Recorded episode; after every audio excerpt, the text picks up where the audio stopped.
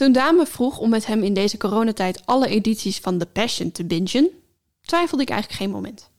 We zijn allebei atheïstische, zelfs religiekritische theaterschrijvers, maar ik heb altijd een fascinatie gehad voor de kerk, haar rituelen en haar kunst. Als kind was mijn beste vriendinnetje streng protestants en ik probeerde stiekem met haar mee te bidden. Als puber hingen er ingelijste bidprentjes in mijn kamer en droeg ik Maria's sieraden. Tegelijkertijd moet ik niks hebben van heilige boeken, een conservatieve autoriteit ergens in de lucht en werkte de stukjes The Passion die ik tot nu toe had gezien vooral op mijn lachspieren. Zal dat zo blijven na het kijken van alle edities? Of raken we toch langzaam in de ban en loop ik in 2021 zelf mee met de stoet rondom het lichtgevende kruis? Dit is Passion Binge. Een atheïstische ode aan de vreemdste televisietraditie van de 21ste eeuw. Met Ellie Schelen en Daan Windhorst. Ik wist meteen met wie ik graag de Passion zou willen bespreken. Historicus Katie Dijken. Zij deed onderzoek naar en schreef over herdenken, monumenten en erfgoed voor de Anne Frank Stichting, de Universiteit Gent en het NIOD Instituut voor Oorlogs, Holocaust en Genocidestudies. Ze publiceerde het boek Places of Memory over herdenkingsplaatsen en haar artikelen verschenen onder andere in De Groene Amsterdammer, Het Parool en Vrij Nederland. En ze is vriendin en oud studiegenoot van me, uit de tijd dat ik geschiedenis studeerde aan de Universiteit in Groningen. We zijn benieuwd hoe zij vanuit haar vakgebied naar dit televisie-evenement kijkt. Want is de Passion niet eigenlijk ook een herdenking van Jezus? En dus bespreken we met haar de editie uit 2012, de Passion in Rotterdam.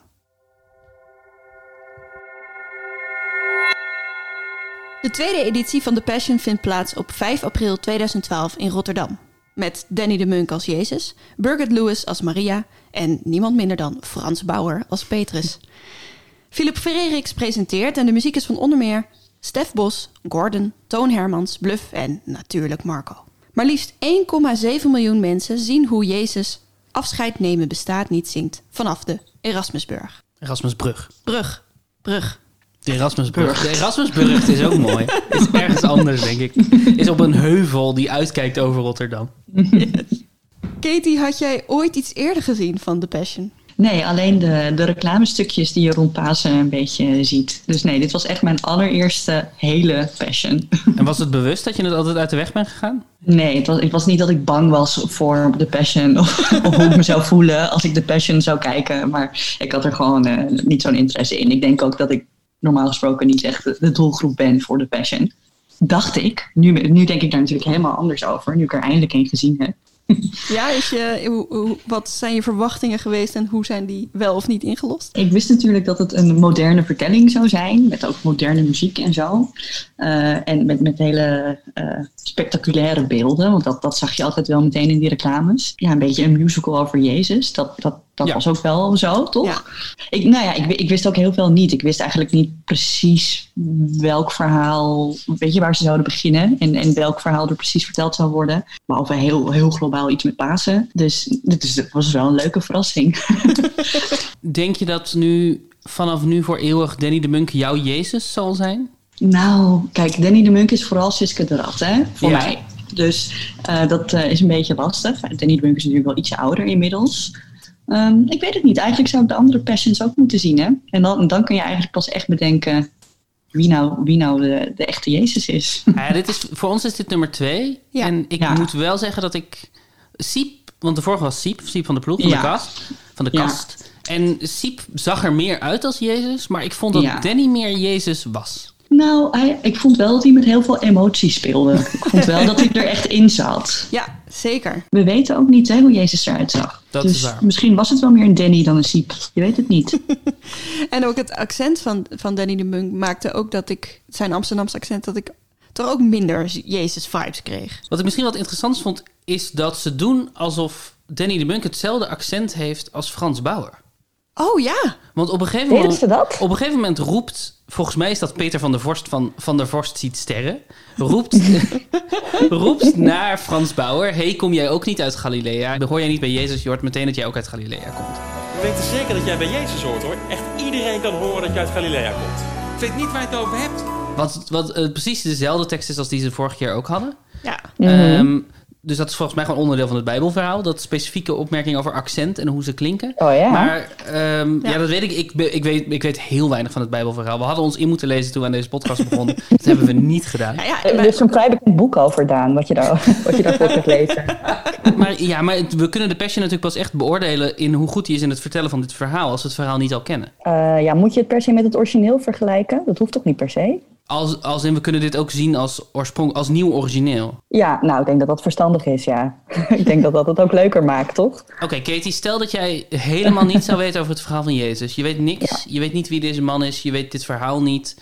Wat zou dan jouw inschatting zijn van, van dit verhaal wat je, wat je gisteravond hebt gezien? Ik wist niet precies waar in het Bijbels verhaal het begon, de. Passion. Um, want het was dus eigenlijk Goede Vrijdag. het was me gewoon niet helemaal duidelijk waar we Jezus aantroffen aan het begin van het verhaal. Ja.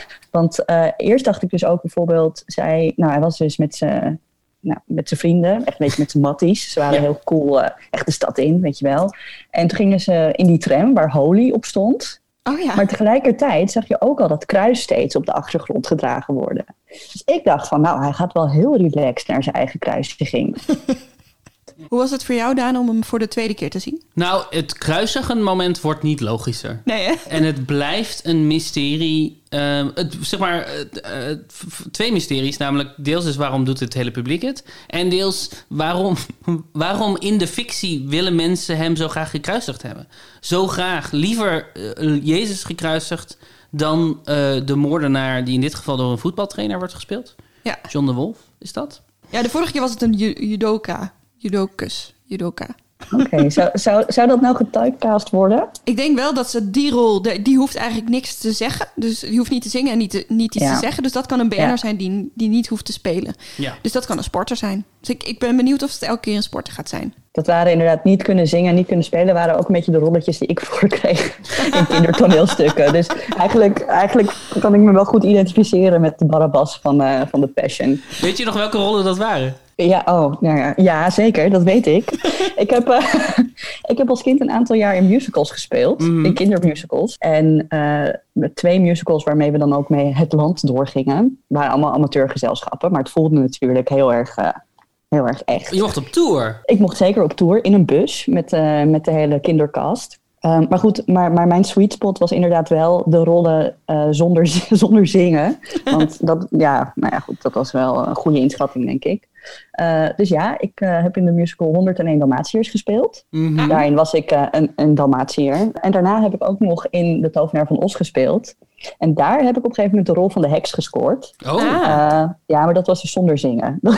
dat was de enige rol waar ik kans op maakte. Maar dan moest je wel spelen moest ik wel spelen. Ja, dat lukte tegen die tijd wel. Dus je was een beetje de Philip Gerix van The Passion? Nee. Dat is de enige die niet zingt. Nou, en Barabbas, toch? Ja, Barabbas. dat is waar. Maar ik denk dat je als heks, nee. als heks had je wel tekst, denk ik, toch?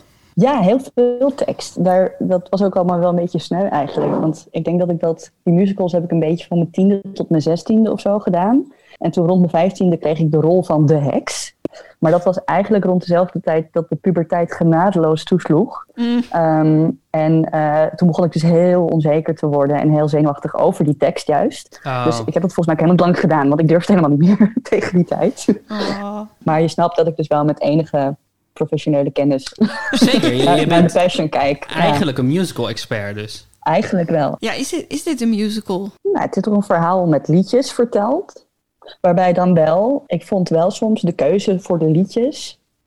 Nou, ik vond dat er wel veel rek in zat, zeg maar. Ik begreep niet altijd welk liedje bij welk deel van het verhaal hoorde. Uh, het waren natuurlijk allemaal, we moeten natuurlijk allemaal bekende liedjes kiezen. Maar, maar vooral ook Maria dan steeds tussendoor. Die hele, ja, ik kan heel goed zingen en zo, maar... Um, ja, chapeau voor hoe zij zingt. Zij doet dat heel goed. Ja, ja geen enkele kritiek op haar zangkunsten. Nee, nee, Laat, nee, dat heel duidelijk zijn. Zij mag gewoon de hele uh, begrafenis top 20 doen.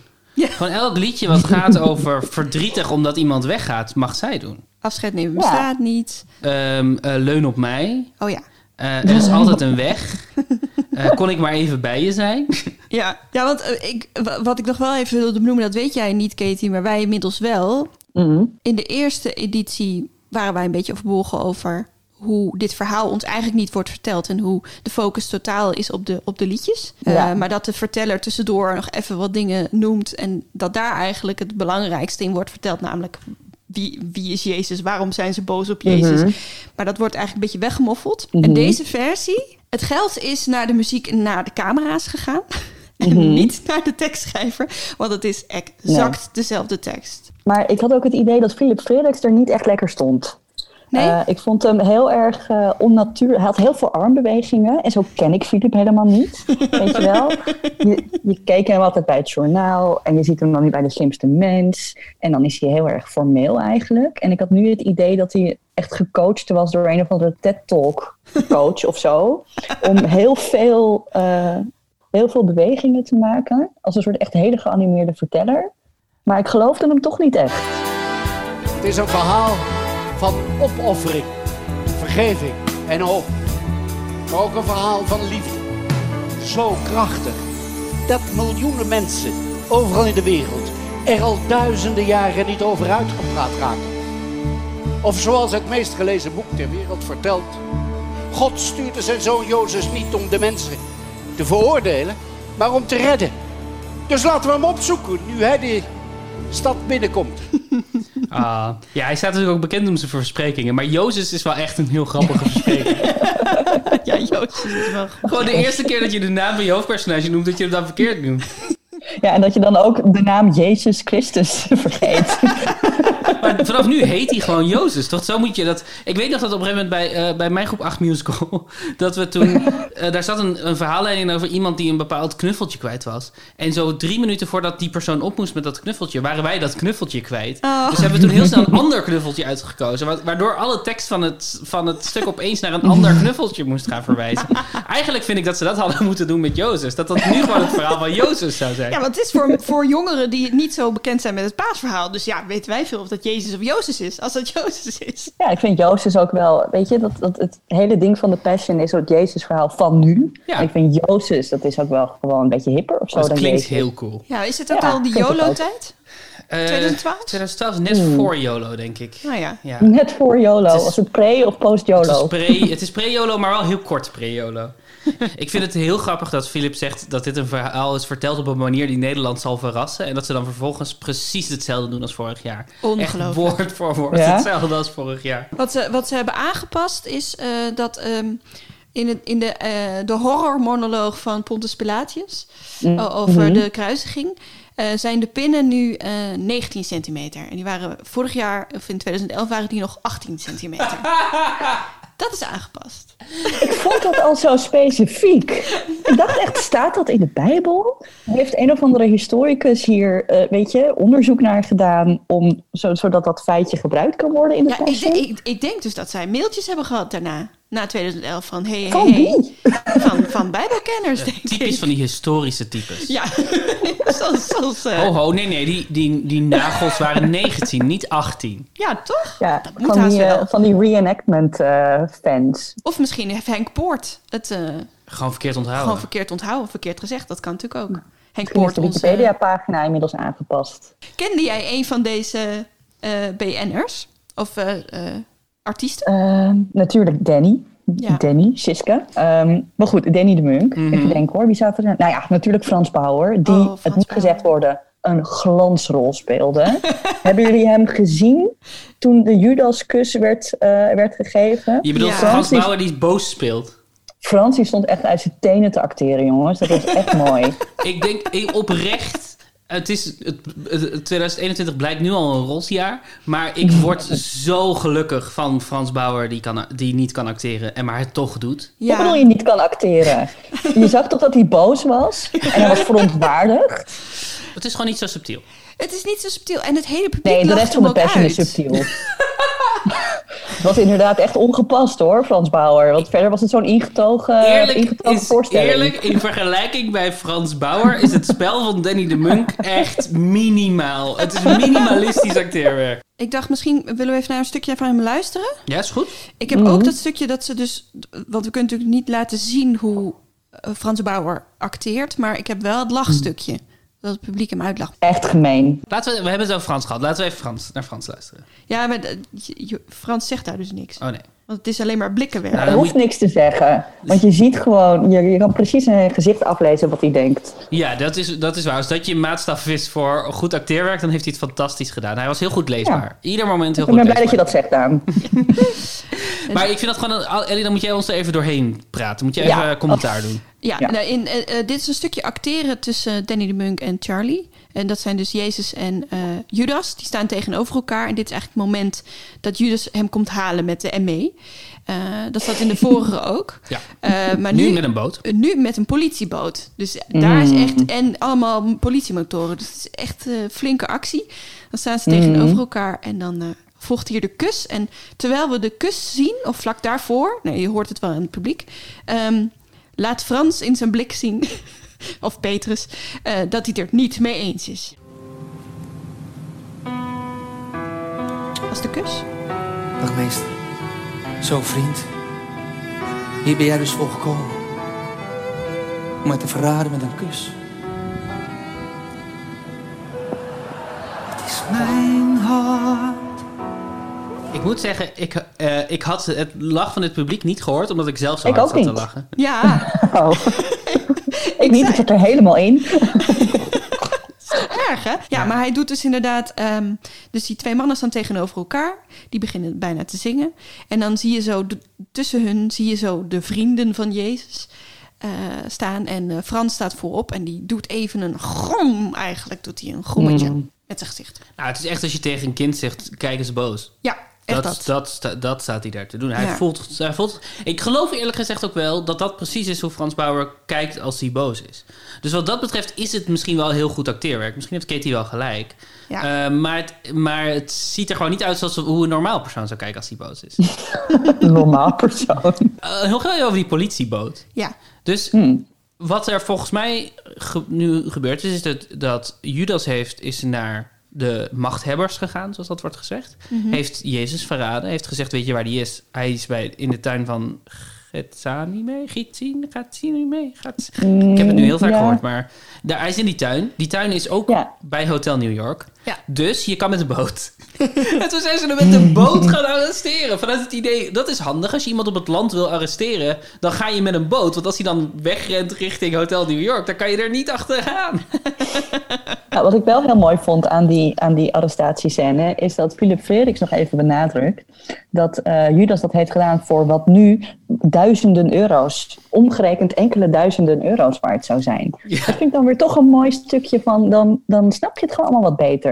Hoe ernstig dat verraad eigenlijk was. Precies. Ja. Ja. ja. denk je dat ze daar de inflatie wel goed in hebben meegerekend? Ik zou die berekening wel willen zien. Ik zou hem niet begrijpen, maar ik zou, de berekening, ik zou wel nieuwsgierig zijn hoe ze daarbij komen. Ja. Hoe je rekent van, ik weet ook niet wat er in de Bijbel staat. Nee, maar, wel, ik, maar, ik, kan me niet voorstellen dat er heel veel getallen in staan of zo. Ja, ik weet het eigenlijk niet.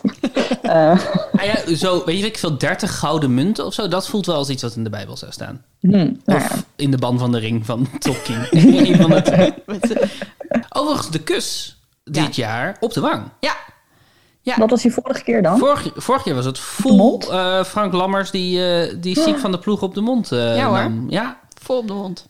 Uh, maar ik denk dat dat ook weer uh, mailers uh, zijn geweest. Of zeg maar publiek. Boze brieven? Boze ja? brieven, ja. Hmm. Trouwens, ja, die binnen waren. Hoe mensen toen zoenden gewoon. Dat ja, of, eigenlijk of heel gewoon erg op DO gaan toch niet twee mannen gewoon elkaar voor op de mond zoenen? Oh, of denk je dat het Danny is die, die dat niet wil? Dat zou kunnen. Dat een van de twee dat via hun manager heeft laten weten van nee, geen mondkus, dan, dan doet Danny niet mee. Of dan doet, hoe heet die, Charlie niet mee. Ik vind het een leuker idee als de minst bekende van de twee met dat soort eisen zou komen. die heeft echt een reputatie hoog te houden als, ik weet niet, niet een homo of zo. Ik weet niet wat, dan de, wat daar dan de gedachtegang achter is. Ja, ja, het was 2012, hè, andere tijden. Toen waren we daar nog heel, heel bang voor. Ik wilde eigenlijk nog heel even een stukje, stukje terug, want we zijn best wel snel door de hele Passion gejast naar de, het verraad. Maar het openingsnummer van Jezus dit jaar, kunnen we daar een stukje van horen? Jazeker. Dus dan hebben we net te horen gekregen dat Jozes met zijn vrienden is. dit is ook het nummer waarin hij in de tram springt, volgens mij. Ja, ja dit is het. Uh, nu is alles, lijkt nog alles nog koek en ei. En, ja. Uh, nou, nee, je zag je dat wel een beetje hoor. Er is echt niets dat niet gebeuren kan vandaag. Deuren zwaaien open, ramen klappen dicht en hele werelden gaat. Het eerste shot is ook Frans, die staat te leunen op de schouder van Danny. Heel ongemakkelijk. Ja, dat is echt een goede musical move. Of het ooit terecht is, dat het een gevecht is om gewoon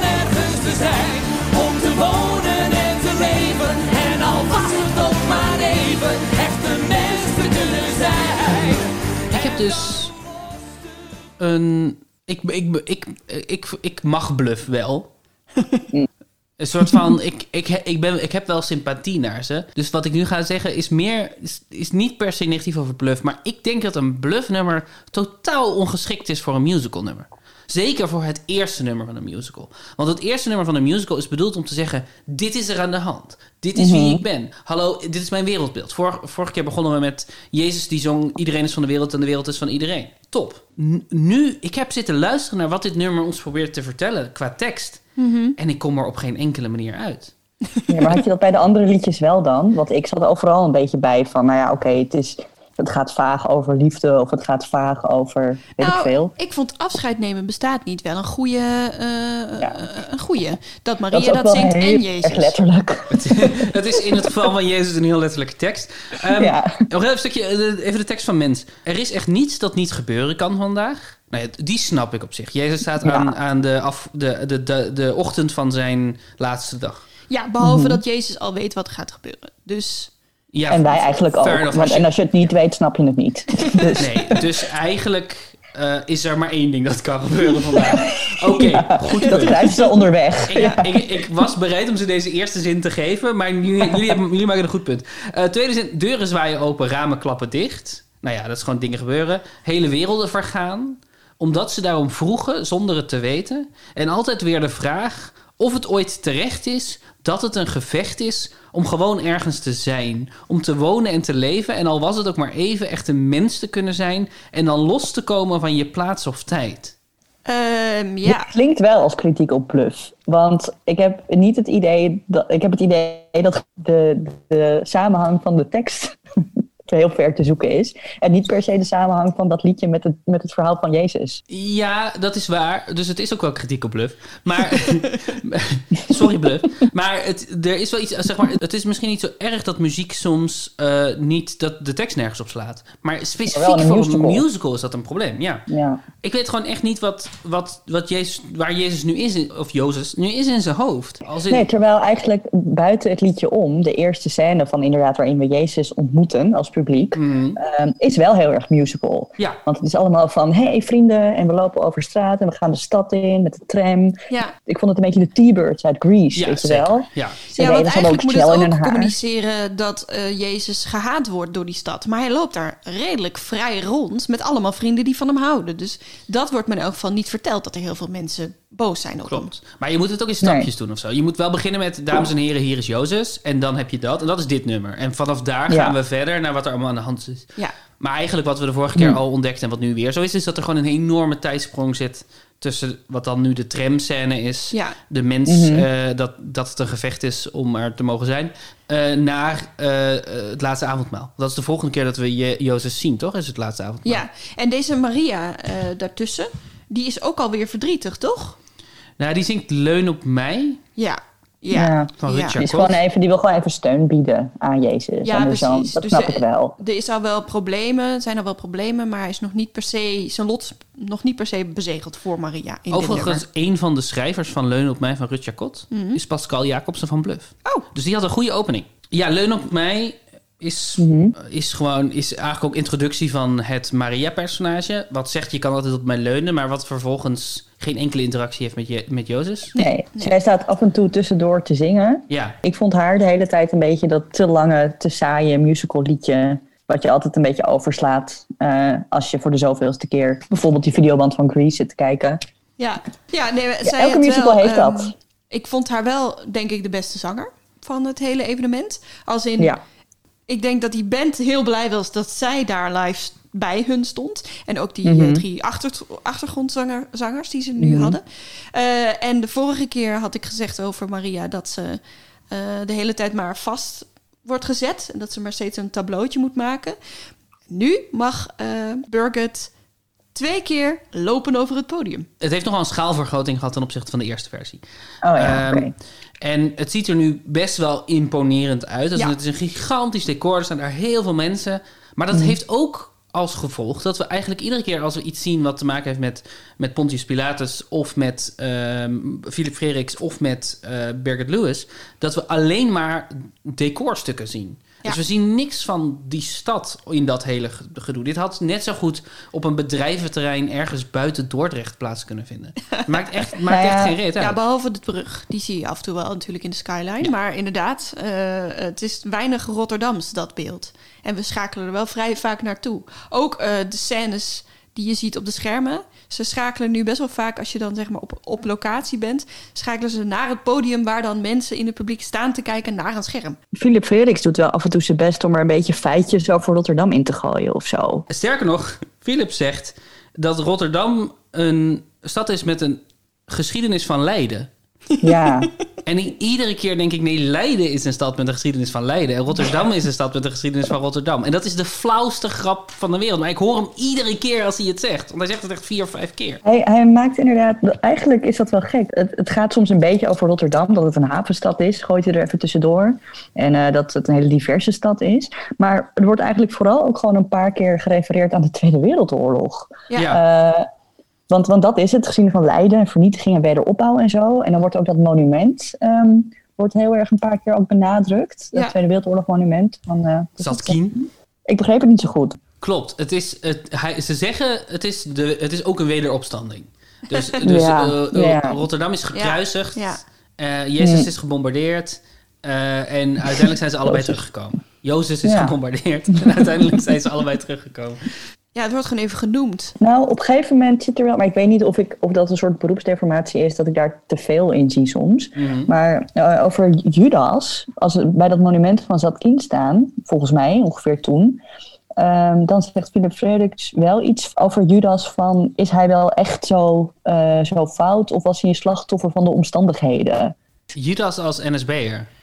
Ja, inderdaad, als NSB'er, maar dan wel een NSB'er die niet een echte natie was, misschien. Nee, Weet je wel, zo dat hele, ja, de, hoe noem je dat? De opportunist in plaats van de echte kwade, kwade geest. Nee, maar het lijkt ook alsof ze, alsof ze weg willen blijven bij rollen die misschien slecht zouden kunnen zijn. Want ook Pilatus wordt geïntroduceerd en er wordt er meteen bij gezegd...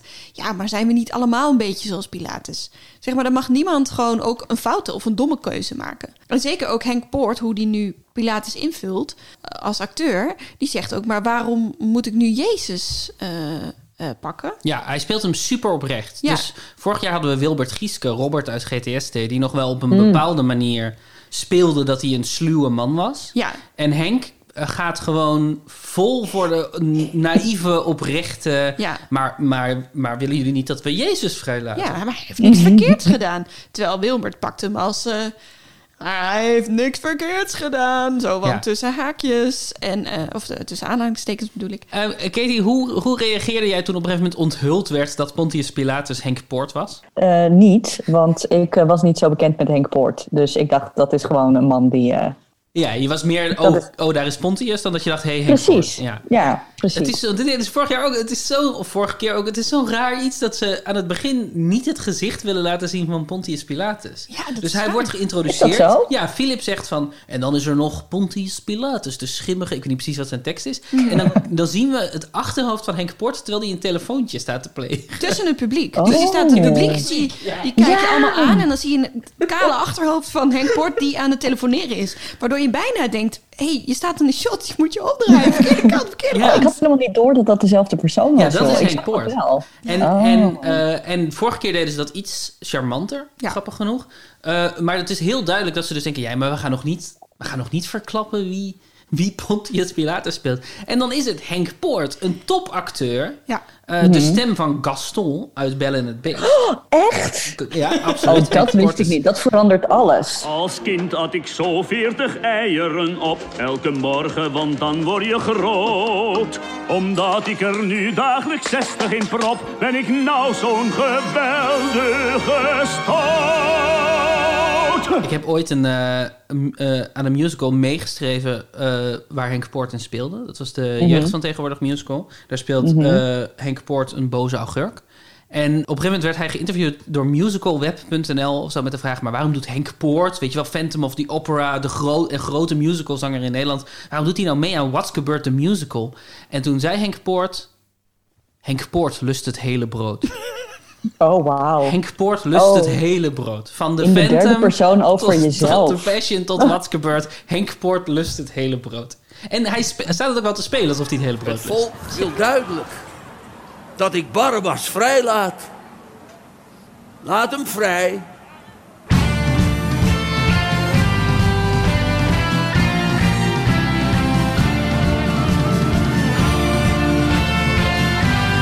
Enige lied dat hetzelfde was. Dus vorige keer was er ook zwart-wit op dit moment. Hij liep daar in de stad, s'avonds laat. Plotseling aan de overkant zag hij ze staan. Iemand riep, je hoort niet bij ons, mes, steek, pijn.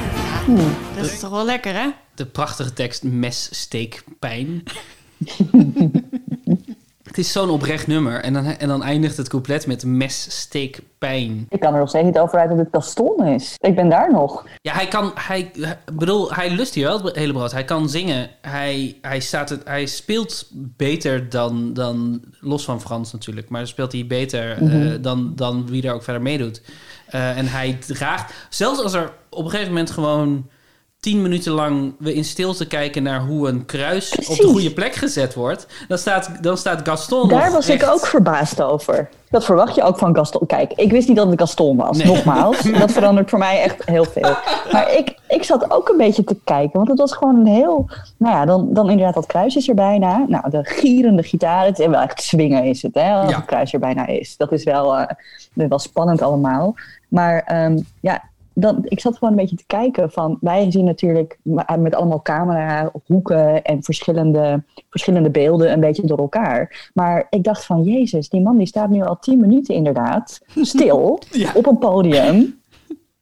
Ja, ik weet niet, gewoon met zijn armen wijd een beetje. Hij, Zo sta- van- ja, hij staat te acteren van het gaat heel goed, jongens. Heel goed. Ga zo door. Dit is de manier waarop we iemand martelen in dit land. Gewoon alsof hij alsof hij de basis die toekijkt over hoe dingen gebeuren. Ja. Dat is wat hij staat te doen. Maar hij had er wel plezier in, volgens mij. Hij Ja. was wel de baas van het podium. Hij was absoluut de baas van het podium. Dat ben ik Ja, ja, dat was heerlijk hoe zelfverzekerd hij daar was. Maar het was Oh, dus ja. inderdaad, het, het, het kruis kwam weer eh, minutenlang op, op het podium af. Dat gebeurde de vorige Mhm. keer ook. En dan denk je, nou, ze zullen het nu beter in hebben geschat. Hoe lang dat ongeveer duurt. Mhm. Maar Mhm. het duurde nu twee keer zo lang. Hoe lang, hoe lang hebben we zitten kijken naar? Zes minuten. Zes minuten. Zes minuten alleen maar het orkest zonder zang. Instrumentaal. Eh, eh, shots van Henk en shots van een kruis dat erg traag richting het podium gaat. Waarmee weer niks gebeurt. Het wordt niet op het podium gehezen. Het wordt niet rechtop Nee. gezet. Nee, het is wordt gewoon gewoon. neergelegd. Dus het is ook nog. Dus de laatste minuut is, staat het kruis al stil. Dus Ja. is er ook geen beweging meer. Nee. Dan zie je ook die vrijwilligers een beetje denken: wat moeten we nou? Moet, is dit het nou? Oh, Moeten we weg? eh, moeten we Ja. weg? Maar zou dat misschien zijn omdat de solist op de gitaar gewoon niet ophield? Nou, dat was wel een fijne toevoeging, die solist. Want er gebeurde nog... Dan was het niet alleen maar die modulatie... maar er kwam ook nog even had een lekkere ja, solo wel overheen. gezien, ja. ja, ja. Nou ja, maar misschien dacht hij gewoon van dit is mijn moment, weet je wel. Er zitten heel veel mensen te kijken. Ik, pak nog, e- ik ga nog even door. Ik ben Slash. Kom, slash. slim. even afronden, slash, afronden. Afronden, slash. Het, nou ja, wat ik dus het meest mysterieuze eraan vind, is dat... ehm, kijk, het is live televisie. Dus zo'n kruis Ja. is niet altijd op de plek waar het moet zijn. Dat snap ik. En het Ja. is, Ja. je, kan, je doet het ook niet heel vaak. Je kan het niet echt goed repeteren. Nee. Maar de aflevering is precies 90 minuten. Ja. Echt op de seconde. En dat doet mij vermoeden dat die zes minuten, dat eh, eh, lege eh, zendtijd met dat kruis, dat dat perfect getimed is. Misschien wel inderdaad dat ze gewoon la- langer dit hebben laten duren, zodat ze precies op een anderhalf uur uitkomen. Nou, eh Philip Frerik zegt helemaal in het begin... in minder dan het uur zal het kruis hier zijn. En de uitzending duurt inderdaad anderhalf uur. Dus ik denk toch dat ze mikten op, op een kortere uitzending. Want de vorige uitzending was Ja? een uur en tien minuten. Het lijkt me zo onwaarschijnlijk dat ze dat uit de losse pols doen. Daar zit toch een, een team van regisseurs achter die ervoor zorgt dat dat allemaal. Ja, maar je, eh, op merkt op een gegeven moment ook bij die interviewtjes die... eh, eh, de verslaggever is deze keer Antoinette Herzenberg. En eh, die heeft op een gegeven moment zoveel interviewtjes naar elkaar... terwijl dat kruis staat te wachten bij een eh, stoplicht. Stoplicht. En die, Ja. Want normaal heeft zij zo één of twee. In ieder geval Hanna Verbonen vorige keer had zo één of twee, soms drie gesprekjes. En zij heeft op een gegeven moment dat ze heeft ze zes interviewtjes naar elkaar. Ja. En dan meen je ook aan haar blik te zien... oh, ik moet er nog één, want er gaat nog iets mis daar Ja. of zo. Zodat ze aan het rekken zijn. Ja, nou ja, goed. En ze hoeft alleen maar aan iedereen te vragen... Hallo, eh, bent u ook christen? Of, eh, Ja. Ik bedoel, het zijn niet echt nou interviews. Ja, Wat ik de meest transparant lelijke vraag vind... die zowel Hanna vorig jaar als Antoinette dit jaar stelt... is de vraag, hoe is de sfeer? Omdat het zo vragen is naar iets wat je zelf hebt georganiseerd. Het is echt op feestjes... Is mijn eh, feestje leuk? Ja, is mijn feestje leuk. En, Ja. en, en op, soort, op Koningsdag of zo, als je, als je Astrid Kersenboom bent die, die mensen aan het interviewen is op Koningsdag, dan snap ik nog dat je vraagt hoe is de sfeer. Maar dit Mhm. is ook een soort van een verhaal en het gaat over zingeving en het gaat over waarom.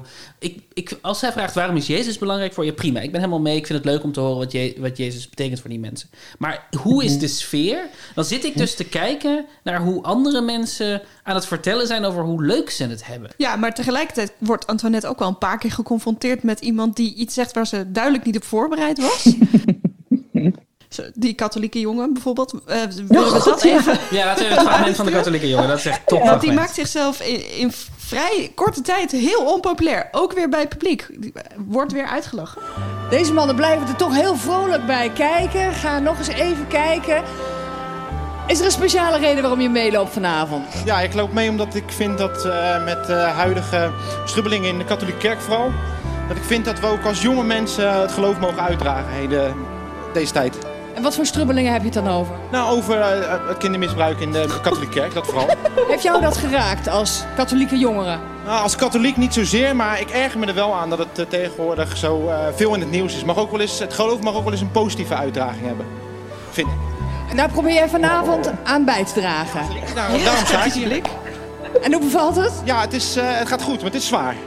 Ja, het is zwaar. Ja, het kruis is behoorlijk, eh, behoorlijk zwaar. Ja, maar jij bent ook lang, hè? Dus jij draagt behoorlijk wat eh, gewicht, denk ik, of niet? Ja, dat denk ik ook wel. Ja. Ik heb denk ik het merendeel op mijn schouder staan. Ja, ja. Maar ja, dat, eh, dat geeft niet. Dat doe ik Mooi voor. publiek. Nou, nog een klein. Ja. Dat is merendeel. Ja. Oh. Oh, dat is waarom het publiek zo reageert. Ja. Omdat ze denken, oh ja, je draagt het merendeel van het... Ja. Zo, hij zit gewoon mee daar te... reageren ze op. Daar reageren ze op, ja. Hij zit gewoon mee te babbelen met haar. Dan ben je die Antoinette en dan ben je gewoon heel erg soort van vriendelijk allemaal mensen aan het vragen of ze het leuk vinden om mee te doen met de passion. Weet je wel, dat is een beetje waar je op zit. En dan, dan, dan kom je ineens hem tegen van ja, ik vind het lullig dat het zo vaak over kindermisbruik gaat. En daarom, daarom heb ik dit kruis nu. Wauw. Ja, het is, Ja, het het is bijna een heel goed statement als hij zou zeggen... eh, ik vind het kindermisbruik in de kerk heel erg.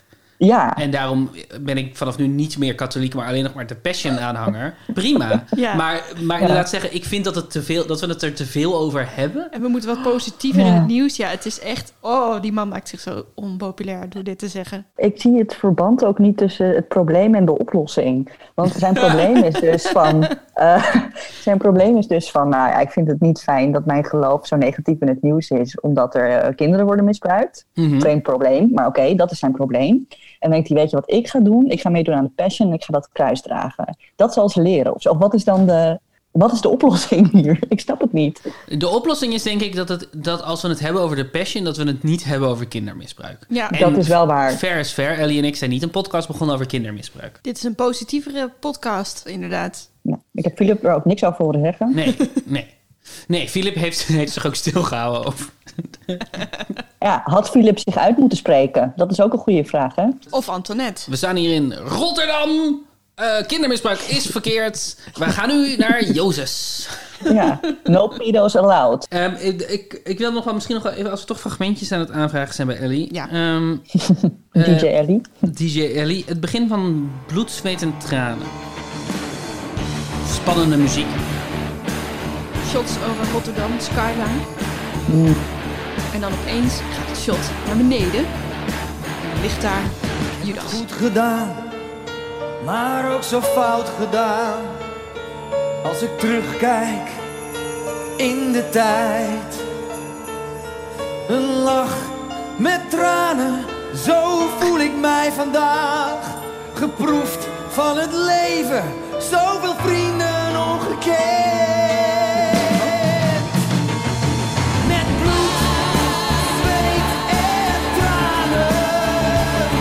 Ik rot nu toch maar op. Ehm, dit is dus, dit, ik weet niet of je dit nog eh, helder hebt, Katie, maar dit is het moment waarop Nee. we inderdaad een soort shot krijgen, wat ogenschijnlijk een gewoon een, een van de 422 eh, shots is van de skyline van Rotterdam. En dan Mhm. opeens be- beweegt de camera, zwiept hij naar beneden en ligt daar op de grond zingend Judas. Op, een, op het dak van een gebouw naast het Erasmus MC, zag ik op de achtergrond. ja, ja. Niet gezien? Ik, eh, nee, nou ja, wel gezien, maar niet geregistreerd. Het is een van de meest kijk ons nou shots die erin zit. Ja. Omdat het, Oh. het is best wel, het is ook eigenlijk best een mooi moment. Ja.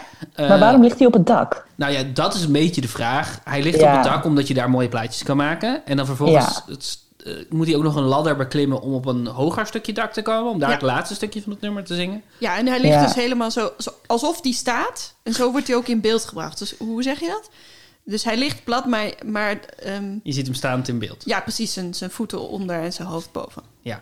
Dat is Hmm. het shot. Van ja, top-down, een topshot Ja. is het. Ja. En dat vond ik gewoon, eh, ik vond dat wel eigenlijk wel een cool moment. Misschien is dat het enige wat ik erover te zeggen. Ik vond het wel geslaagd. Ik vond het ook leuk dat het, een, dat het ons op het verkeerde been zet. Omdat we eerst denken, oh, dit is gewoon een shot van Rotterdam. En dan beweegt de camera. Dus dan wordt er iets onthuld. Dat vind ik altijd leuk. Wel, nu ik dit weer hoor, dat ik denk, is dit, een- is dit een Judas-nummer? Ja, dat vroeg ik me dus ook heel erg af. Nogmaals, ik snap niet wat het liedje te maken heeft met dit deel van het verhaal. Ja, nee, bij Bloed, Zweet en Tranen had ik het inderdaad ook. Nou ja, het is, vorig jaar hadden we Frank die eh, Judas speelde en die zong Ik leef niet meer voor jou. Vond ik Hmm, logischer toen. En, Fair, en ja. eh, wat, wat de nummers met elkaar gemeen hebben, is dat het allebei een soort van fuck you nummers zijn. Dus een soort van de Mhm. nummers die je na een break-up aanzet. Dus er zit ook in, in eh, Bloed, Zweet en Tranen ook wel teksten zo van... Oh, mensen begrijpen mij niet. Als je beroemd bent, dan heb je geen echte vrienden meer of zo. Volgens mij is het echt hazes toch? André Hazes, ja. ja. Mhm. Maar het is ook een beetje een... Het is ook een... Op een bepaalde manier is Bloed, Zweet en Tranen ook gewoon een beetje My Way van Frank Sinatra. Mm. Het is ook, ik heb Mm. het goed gedaan. Ik heb het fout gedaan, maar ook zo goed gedaan. Ik heb het op mijn Oh, eigen ja. manier gedaan. Ach, eh, nu sta ik hier. Nu, nu komt iets tot een einde. Dus wat dat betreft is het meer een Jezus-nummer dan een eh, Judas-nummer, denk ik. Ja, misschien wel. Wat ik, nou ja, gewoon überhaupt een beetje een wonderlijke scène vond, waarbij ik het nummer wonderlijk vond en ook de, gewoon het beeld en het deel van het verhaal, was dus het laatste avondmaal. Daar wilde ik het nog over hebben. Oh ja. Dus dat is dat ze als een soort alcoholisten op een bankje gaan buiten zitten met een fles wijn en plastic bekertjes. Ja. En dan eh, heeft Jezus, nou, het lijkt net middelbare scholieren, zo één fles wijn bij zich en plastic bekertjes. en dan zo, heeft Jezus een stokbrood wat hij in allemaal stukjes scheurt voor iedereen. Ik bedoel, er zit nog net geen frikadelbroodje of zo bij. Maar goed, dan, Een blikje Red Bull. En dan volgens mij is het dan bij die cover van Bob Dylan, die blijkbaar van Dikhout, van, Ja. van Dikhout is. Ja. Wist ik niet. Ik was verrast tot jij mijn liefde voelt. Ja. Make you feel my love of zo is dat volgens mij. Nee, nee, nee, nee. Het lied bij, bij, bij het broodbreken is het moet en het zal. ja, van de dijk Oh. is dat. Nee, ja, maar dat is het broodbreken. Maar dan later liggen dus al zijn vrienden te slapen op straat. Oh ja. Ze zien er gewoon uit alsof ze zich eh, het Ja. laatste dus hebben gesopen. Ja. En dan liggen ze daar allemaal. En dan begint hij te zingen tot jij mijn liefde voelt. Ja, dat is Ja. De, de tuin van Gethsemane, Gethsemane, Grazie. Ja, goed, daar, daar, die, hele, die hele scène begreep ik niet helemaal. Want ehm, iedereen is in slaap gevallen, dat vertelt Filip ook. Maar en, maar, en waarom zingt Jezus, Jozus, dan ehm, een Nederlandse versie van een Bob Dylan liedje? Ja, nee, het is absoluut. Ik had precies hetzelfde daar, want eh, eh, de tekst, de inleidende tekst van, van Philip is weer. eh, het is een dreigende nacht. Eh, hij wil met zijn vrienden zijn, Jezus, maar die vallen allemaal in slaap. En nu is hij alleen in Mhm. deze dreigende nacht. Dan gingen we in de vorige versie gingen we ook naar een redelijk boze Siep. Die eh zong Ga in mijn schoenen staan. Ja. Vertwijfeling, boosheid. eh, wat we. Och, ik, ik heb het zo zwaar. En nu was dus Mhm. dezelfde inleidende tekst. En daarna gaat Danny de Munk een heel lief nummer zingen. Tot het mijn heel liefde. lief? Is het heel voelt. lief? Laten we, volgens mij moeten we naar een stukje luisteren. Want ik heb twijfels over of dit wel zo'n lief nummer is. Nou ja, het had, het had daardoor gewoon wel een beetje de, de vibe van dat, dat hij als laatste wakker was op een school of eh, bij een slaapfeestje. Ja, dat was wel? absoluut een de beetje- vibe. En dat is wel cool, want dan heb je wel gewonnen. Als de regens om je oren slaan En heel de wereld zit achter jou aan Kom dan bij mij in de luwte staan Hij zit op een soort olievat. Mhm. Tot Ja, waar dat vandaan komt? Rotterdamse schepen, hè? valt de avond met zijn sterrenpracht. Adele heeft dit ook gecoverd. En er is niemand die jouw leed verzacht. Dan hou ik duizend jaar voor jou de wacht. Tot jij mijn liefde voelt. Oké, ja, oké. Het is misschien wel een lief nummer. Maar er is iets vreemds aan de zin tot jij mijn liefde voelt. Ja, Omdat... dat is een hele lelijke vertaling. Het ten is sowieso een lelijke vertaling. Maar het is ook een beetje stalkerig. Ja, Omdat precies. je kan wel liefde geven. Maar als je zegt, ik blijf het geven totdat jij het voelt. Ja, Dan dat zit- klinkt alsof je dan zingt naar iemand die in jouw kelder zit opgesloten. Maar ik denk dus dat, ik denk dat, dat de, de, de, de Jozef in mijn hoofd, de, de ideale Jozef, is, is absoluut iemand die zou zeggen... Ik hou van jou en het maakt niet uit wat jij van mij vindt. Ik hou van jou. Ja, en maar het dat is ook niet- wel een beetje Jozef's ding. Ja, dat is Jozef's ding. Zo, ik ik Ja. geef om jou en zelfs als jij mij wil kruisigen... of zelfs als je allemaal verschrikkelijke dingen zegt... zelfs als je me gaat verraden... zelfs als je drie keer gaat zeggen dat je me niet kent... ik hou Ja. nog steeds evenveel van je. Ja. Maar tot jij mijn liefde voelt, is dat niet. Ja, maar dit nummer eindigt namelijk wel met een, een, een close-up van, van Danny's gezicht. En dat dan het publiek erachter geplakt is. Dus dat je dan alle Ja, gezichten klopt. van het publiek zo eh, een beetje soft focus... Hoe noem je dat? Eh, Ja, onscherp. Ja, het is een onscherp beetje- acht- achter zijn hoofd eh, eh, ziet opdoemen. Dus daar, daarom dacht ik, oh, het gaat toch echt wel Ja. over hoe zijn geest eh, eh, daalt over, over de mensheid. Wat ook, wat, wat dus, de- ze hebben daar zo hun best voor gedaan. Dat, dat staat in het draaiboek. We moeten daar een crossfade maken. Ja. Met aan de ene kant hebben we het publiek wat, wat bij de Erasmusbrug staat. Aan de andere kant hebben we die instart van, van Jezus. En dan moeten we dat dan mooi bij elkaar zetten. Maar waar ze geen rekening mee hadden gehouden, is dat dan dus als je het, als je het publiek in beeld brengt, dat ze allemaal naar de camera gaan zwaaien. dus dan heb je een heel sentimentele blik van eh Jozef, die, die, die houdt van ons allemaal. En dan en stel domme Rotterdammers die als een idioot naar de camera staan te zwaaien omdat ze op tv zijn. Ja, nee, die hebben dat allemaal aan hun moeder beloofd. Ja. Ik heb ergens geweest waar een camera zou zijn, waarbij mijn moeder niet van tevoren heeft gezegd: wel zwaaien, hè? nou ja, en dat doe je dan als je moeder dat vraagt. Katie, ehm, wanneer heb jij het meest gevoeld tijdens deze uitzending? Nou, dat kan ik je vertellen, want ik heb dat zelfs opgeschreven. En dat was, oké, dat was aan het begin, en, want het duurde te lang. Het was aan het begin van die eh, gierende gitaren eh, scène waarin dat kruis er bijna was. Oh, echt waar? Toen dacht ik wel, ja, maar omdat ik toen even dacht van, als je daar nou bent nu en dit is belangrijk voor je, dan is dit gewoon best wel een heel spannend moment of zo, weet je wel? Dat Oh, komt ja. dan zo aan en, en dat, dat was ook best wel cool met die gitarenmuziek en zo. En toen duurde het te lang. En toen begon ik na te denken over, jeetje, je zal maar Gaston zijn die daar nu op dat podium staat. En, maar ik kon me toen wel echt indenken van, als je daar nou bent, dan is dit volgens mij best wel vet. Dat, eh, dat een beetje echt zo de, de climax van, van het verhaal en dat kruis, dat is al de hele stad doorgesjouwd en zo. En dat is er nu bijna. Ja, En natuurlijk alle scènes met Frans Bauer. Want Natuurlijk. dat kan niet anders. Als je hem ziet, dan eh, dan voel je een hele hoop. ja. Daan, had jij een moment dat jij eh, bijna in, in, in woede Bijna of in eh, tranen. in tranen uitbarstte? Nou, ik, ik, vind, eh, ik vind het moment van Jezus die op de Erasmusbrug, of Erasmusburg, zoals jij hem noemt, eh, ehm, afscheid nemen bestaat niet zingt. Met, Ja. met die tekst die ook gewoon zo, die daar zo goed klopt. Ja. Vind ik, een heel, vind ik een heel sterk moment. Ook omdat de theatraliteit van dat hij dan opeens. Ja. Dat, Ja. daar is, Ja, daar dat is is niet, dat is niet echt Danny de Munk die daar staat. Oh nee? Op dat moment. Nee, want hij. Dat er is was, dat ook niet. Oh.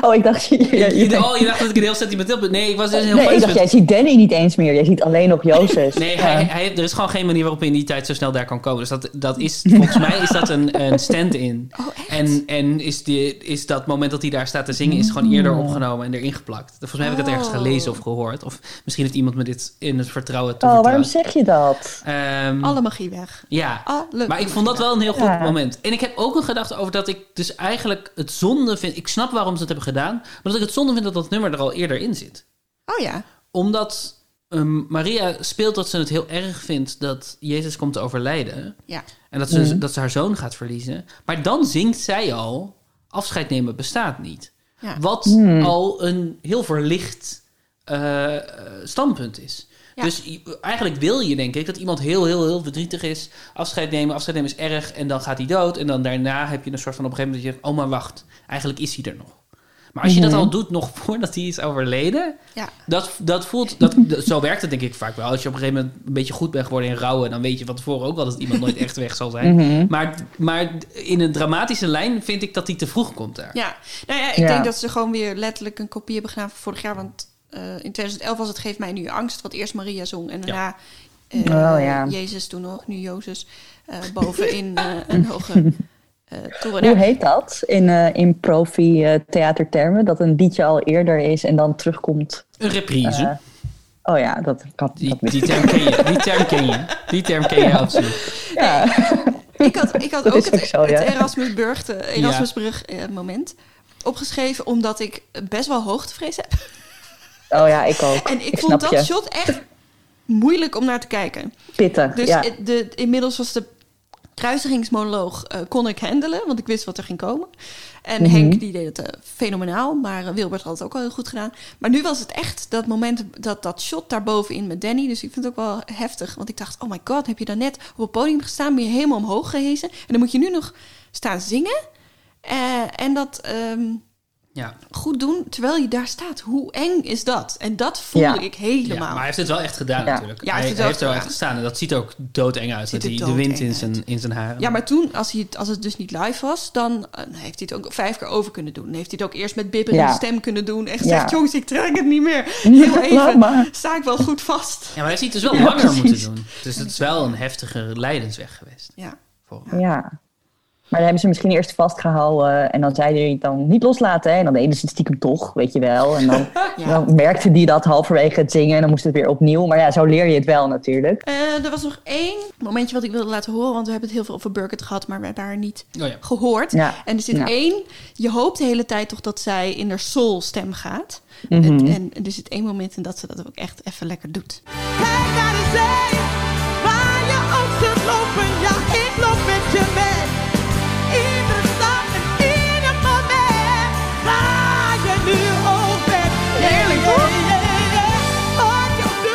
Dat vond ik toen was ik echt. Toen, toen dacht ik wel, oh, Ja. wat fijn dat jij de zangeres bent. Dat jij Maria Ja. mag zijn. Ja. Ja. Dankjewel voor het luisteren naar Passion Binge. Ellie en ik maken ook Puzzle Brunch, een podcast waarin we elkaar opvrolijken met puzzels, quizjes en raadsels. Katie zei dat ze niet echt iets te pluggen had, maar ze is op Twitter te vinden onder de naam underscore, dus met een laag streepje. Stuur haar daar vooral thoughts and prayers voor haar proefschrift. Frankie de Lauw is maar een eenvoudige Bali-medewerker als ze op 31 december met haar grote liefde en knipperlichtrelatie Sjors afspreekt om een jaar lang geen contact meer te hebben. Eh, kimono, boek over duiven, vulpen. Belofte om even na te kunnen denken. Belofte om wat ja, rust te krijgen. Eh, dat zijn de dingen die je af kunt zetten bij mijn moeder. Omdat wij geen contact hebben en ik je niet meer ga bellen. Dag George. Een belofte die Frankie de eerste dag al breekt. En, zo lijkt het, een belofte waar Sjors zich aan gaat houden. Kea Klaasje Questro is Frankie in een productie van Hanneke Hendricks. Met intrige, humor en groots en meeslepend leven. Wat, wat, wat kan er nou helemaal gebeuren met mij? hè? Laat zo'n man nou hooguit van plan zijn om mij helemaal aan reepjes te scheuren en daarna een soort trofee aan zijn binnenspiegel op te hangen. Maar ja, waar hebben we het dan nou helemaal over, toch? Vanaf 1 januari elke dag, 365 dagen lang, een voicemail van Frankie aan. Abonneer je nu op je favoriete podcastkanaal.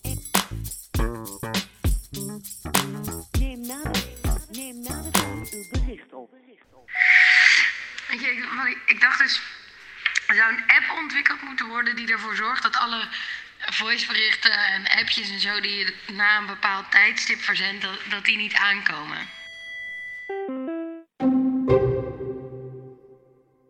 Katie, Ja, ik heb een vraag aan je.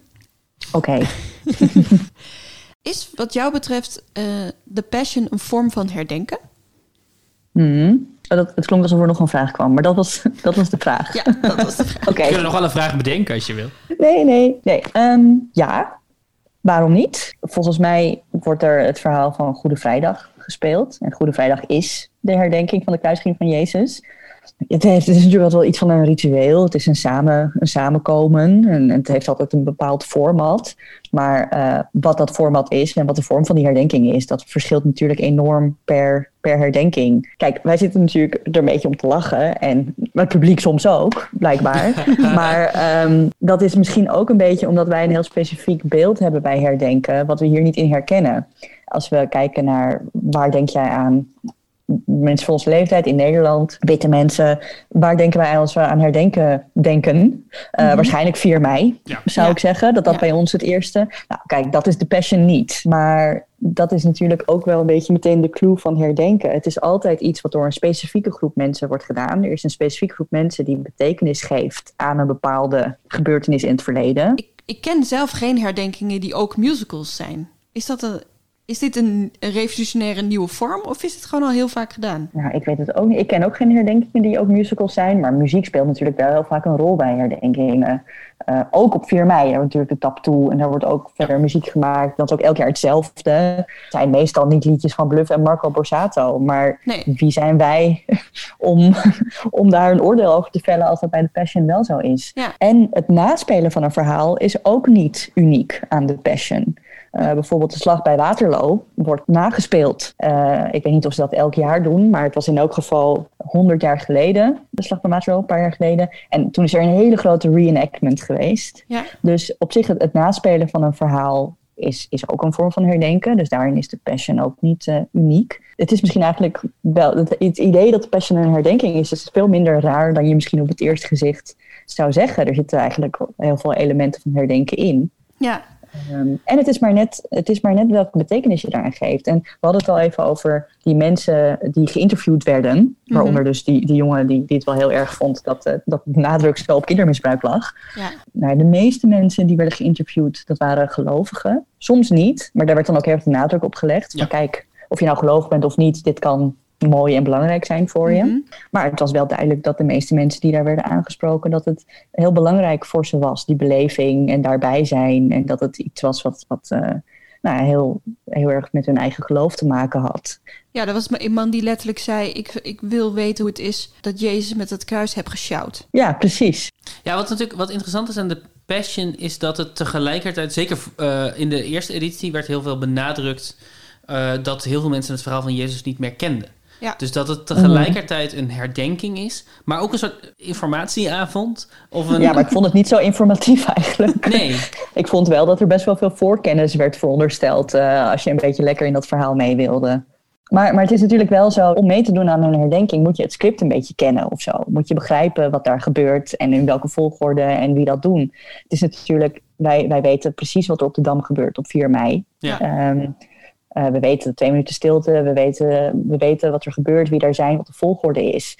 Als je helemaal niks zou weten van 4 mei, je komt bijvoorbeeld niet uit Nederland en je loopt toevallig de dam op, dan denk je ook van oké, okay, wat zijn ze hier aan het doen? Dus het is ook een manier om een, om een groepsidentiteit opnieuw te bevestigen. Wij zijn, ja, natuurlijk. Wij zijn de club en zij niet misschien ja, het hoeft, niet eens, het hoeft niet eens bewust te zijn wij zijn de club en zij niet. Maar het is wel wij zijn de club. We zijn snel geneigd om herdenkingen en oh, nee, ook herdenkingsmonumenten en die plekken en die, die, die tradities als iets vrij vanzelfsprekends te zien. Want ja, er is gewoon vroeger iets gebeurd.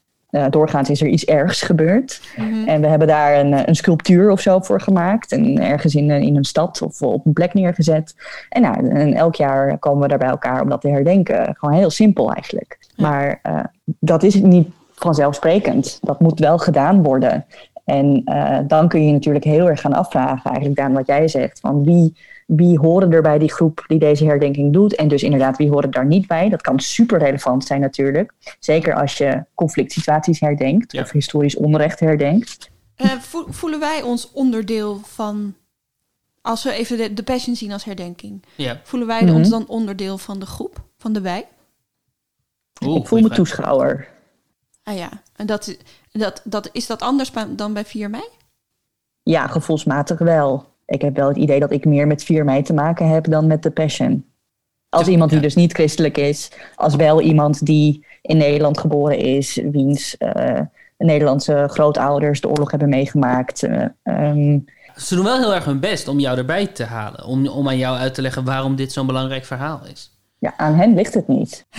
het ligt aan jou. Het ligt zeker niet aan Danny en Frans en de gang. Nee, het ligt gewoon helemaal aan mij. Ja. Nee, ik voel me ook toeschouwer hoor. Ik voel me een beetje toerist af en toe. Ja. Maar als ik dan inderdaad naar zo'n mevrouw lu- luister die zegt... ik ben atheïst, eh, maar af en toe steek ik wel een kaarsje aan in een kerk... en eh, eh, ik doe het voor de saamhorigheid. Ja, dan zou ik me natuurlijk aangesproken kunnen voelen. Mhm. Wat ik wel vind dat ze heel goed doen als het gaat over onderdeel van de wij zijn, is dat er heel weinig, misschien wel te weinig, maar het, het, het is zo gewoon een verhaal over personen die elkaar al dan niet verraden. Nu, in, zoals de Passion is, dat ik niet het idee heb dat er dingen worden gezegd waar ik het niet mee eens ben. Of waarvan ik denk, oh, dat is niet mijn geloof, dat is niet hoe ik het zie. Zelfs de wederopstanding van Jezus wordt eigenlijk een beetje buiten gehouden. Ja. Dus Philip Frederik Mhm. zegt, en of dat echt is gebeurd, dat, dat mag u allemaal zelf bepalen. Dus het is gewoon eigenlijk het verhaal van iemand 2000 jaar geleden... Ja. eh, die een stel Ja. eigenlijk niet zulke goede vrienden had, maar het ze vergeven heeft. Ja, want zelfs God speelt niet zo'n hele groot... wordt niet zo heel vaak genoemd Nee. in, in het hele verhaal. Hij heeft Nee, even Jezus dat, spreekt hem aan Ja. op een gegeven Ja. moment. Ja, maar dat is eigenlijk de- het enige moment, toch? Ja. ja, en je hebt dat dialoogje op de boot tussen de misdadigers en, eh, en Jezus. En dan, eh, Oh ja. dan Ja. zegt hij wel van, eh, ik hoop dat ik in uw koninkrijk mag. Zegt de Mhm. misdadiger tegen Jezus. Ja. Dat zijn dan de enige, maar misschien nog een paar momenten dat ik echt denk... Oh, eh, de- dat is niet echt. dat is niet echt. Dat is een leuk. nou ja, en natuurlijk dat hele brood- en wijnverhaal. Maar goed, dat zou je ook nog kunnen lezen als een soort... eh, Ja, dat is ook. Dat bedoelt hij denk ik ook metaforisch. Ja, precies. in- goed, dat is, dat is een, ik snap dat dat een heel belangrijk vraagstuk is in de kerk. Of dat letterlijk is of, of figuurlijk. Ja, dat moet natuurlijk wel, die passion moet natuurlijk wel zoveel mogelijk mensen aanspreken. Dus ik denk dat je je sowieso niet wil wagen aan inderdaad dat soort, dat soort punten van oneenigheid tussen verschillende stromingen van het christendom. Ja. Ehm, maar en, en je wil ook toch graag niet-gelovigen daarbij betrekken. Dus het moet misschien ook eh, allemaal een beetje op de oppervlakte blijven en een beetje spectaculair en leuke liedjes. Misschien dat je daar dan toch, toch iets meer mensen mee kan aantrekken. Uh, en ik denk dat dat ook wel een doel is van de Passion. Het is misschien een, een vorm van herdenken, maar het is toch ook wel een, een leuke manier om, om, het, om het Bijbelse verhaal te introduceren bij het brede publiek. Ehm, staan die dan met elkaar op gespannen voet? Dus het herdenken aan de ene kant, wat dus specifiek eigenlijk iets is wat, wat voor de ingroep is, voor de wijgroep is. En het advertorial aspect, wat juist de bedoeling is om nieuwe mensen bij je groep te krijgen. Als het gaat om, om hoe wervend een herdenking is, dat, dan, maakt, dan is er ineens wel een heel groot verschil, denk ik, tussen een religieuze herdenking en bijvoorbeeld een oorlogsherdenking of een dodenherdenking. maar uh, het, is natuurlijk, het is natuurlijk wel zo dat herdenken, of in elk geval uh, iets als een nationale herdenking, een publieke herdenking is. Dat is heel zichtbaar. Mhm. Het is, het is, uh, nou ja, het is ook live op televisie. Het is de bedoeling dat daar zoveel mogelijk mensen bij betrokken zijn. En ja. dat is omdat het idee achter die herdenking is dat het heel belangrijk is. Ja, dus het, is ook, het heeft ook wel een informerend aspect. Als in de, een van de redenen waarom we het doen, is ook zodat jongeren iedere keer weer opnieuw wordt verteld hoe erg uh, het, het, de oorspronkelijke Tweede Wereldoorlog dan was. Want inmiddels worden Mhm. er andere dingen ook herdacht. Dus het heeft wel ook een soort van, we moeten hierover blijven praten. Ja, nou ja, en dat herdenken is natuurlijk ook een belangrijke manier van doorgeven wat dat betreft. Uh, want juist als je die herdenking inderdaad publiekelijk elk jaar doet en grotendeels hetzelfde houdt, waardoor er iets van, ja, uh, waarin, waarin het consistent is, zeg maar, Ja. dan, dan, dan wordt het eigenlijk inderdaad een soort traditie. En het idee van traditie is dat je dat natuurlijk weer doorgeeft, generatie op generatie. Ja. En, uh, en wat je zegt, inderdaad, het doorgeven aan jongere mensen, dat is natuurlijk iets wat al jaren, als het gaat om de Tweede Wereldoorlog, een heel belangrijk thema is. Omdat de mensen die de oorlog hebben meegemaakt, uh, nu heel oud zijn uh, en er binnenkort helemaal niet meer zullen zijn. En ja, dat is dan een, toch, wordt toch gevoeld als een soort van potentieel kantelpunt van gaan we het dan allemaal nog wel zo belangrijk vinden? Ja, want ik dacht daar ook over. Um, misschien is inderdaad bij, bij 4 mei en 5 mei ook de randprogrammering eigenlijk wel het advertorial gedeelte. Dus uh, uh, 5 mei is natuurlijk ook heel vaak, uh, als je dan bij zo'n festival bent, dan zijn er mensen die Mhm. rondlopen, die zeggen wat is vrijheid voor jou? En dan moet je er echt over nadenken als jongere of als kind. En dan mag je daar iets over zeggen. En, en dat is een beetje zo van, weet je wat we hier aan het doen zijn? En dan eigenlijk het herdenkingsgedeelte zelf, dus, dus de twee minuten stilte, de trompet, de hele... eh, daarbij moet je eigenlijk gewoon een beetje weten wat er gebeurt. Dus als je dat voor het eerst ziet, dan denk je inderdaad, wat, wat gebeurt er nou? Dan wordt het je niet meer uitgelegd. Nee, Eh, nee, dan, dan moet je ingewijd worden eigenlijk. Ja. En dan snap je het en dan kan je meedoen. bij de Passion proberen ze dat tegelijk te doen, misschien wel, die twee dingen. Dus het ernstige herdenken, het, het, het Mhm. in stilte lopen met een kruis, voelen hoe, dat, hoe zwaar dat geweest moet zijn voor Jezus. En leuke liedjes en, en een beetje eh, uitleg van Philip over wat er nou precies gebeurd is. Ja. Misschien is het daarom ook wel zo'n randje toe geworden van waar mensen eh, zowel boos over worden als gelukkig van worden als er als een soort toerist naar kunnen kijken. Nou ja, maar, maar Philip die maakte ook wel een aantal keer een soort van halve referenties naar het heden. Verraden door zijn vrienden en gearresteerd op basis van valse beschuldigingen. Dat zou tegenwoordig in ons geciviliseerde Nederland niet meer kunnen gebeuren. Maar ik vroeg me wel af, is dat is die zin inderdaad specifiek, is dat een, eh, wat jullie betreft, een soort van sneer naar de politie? Ja, ik weet het niet. Ik kon het niet zo goed plaatsen. Het was wel duidelijk een, een, een soort van, misschien een soort maatschappijkritiek of zo. Of, Volgens mij komt het echt voort vanuit dat er in, het, in de, de pitch bij, bij de NPO stond... we gaan proberen om het, om het, eh, eh, het idee van, van het, de lijnzeg van Jezus actueel te maken. Ja. En hoe maak je iets Ja. actueel? Je maakt iets actueel door het deels in, in de koopgoot te situeren. En aan- anderzijds door soms te zeggen...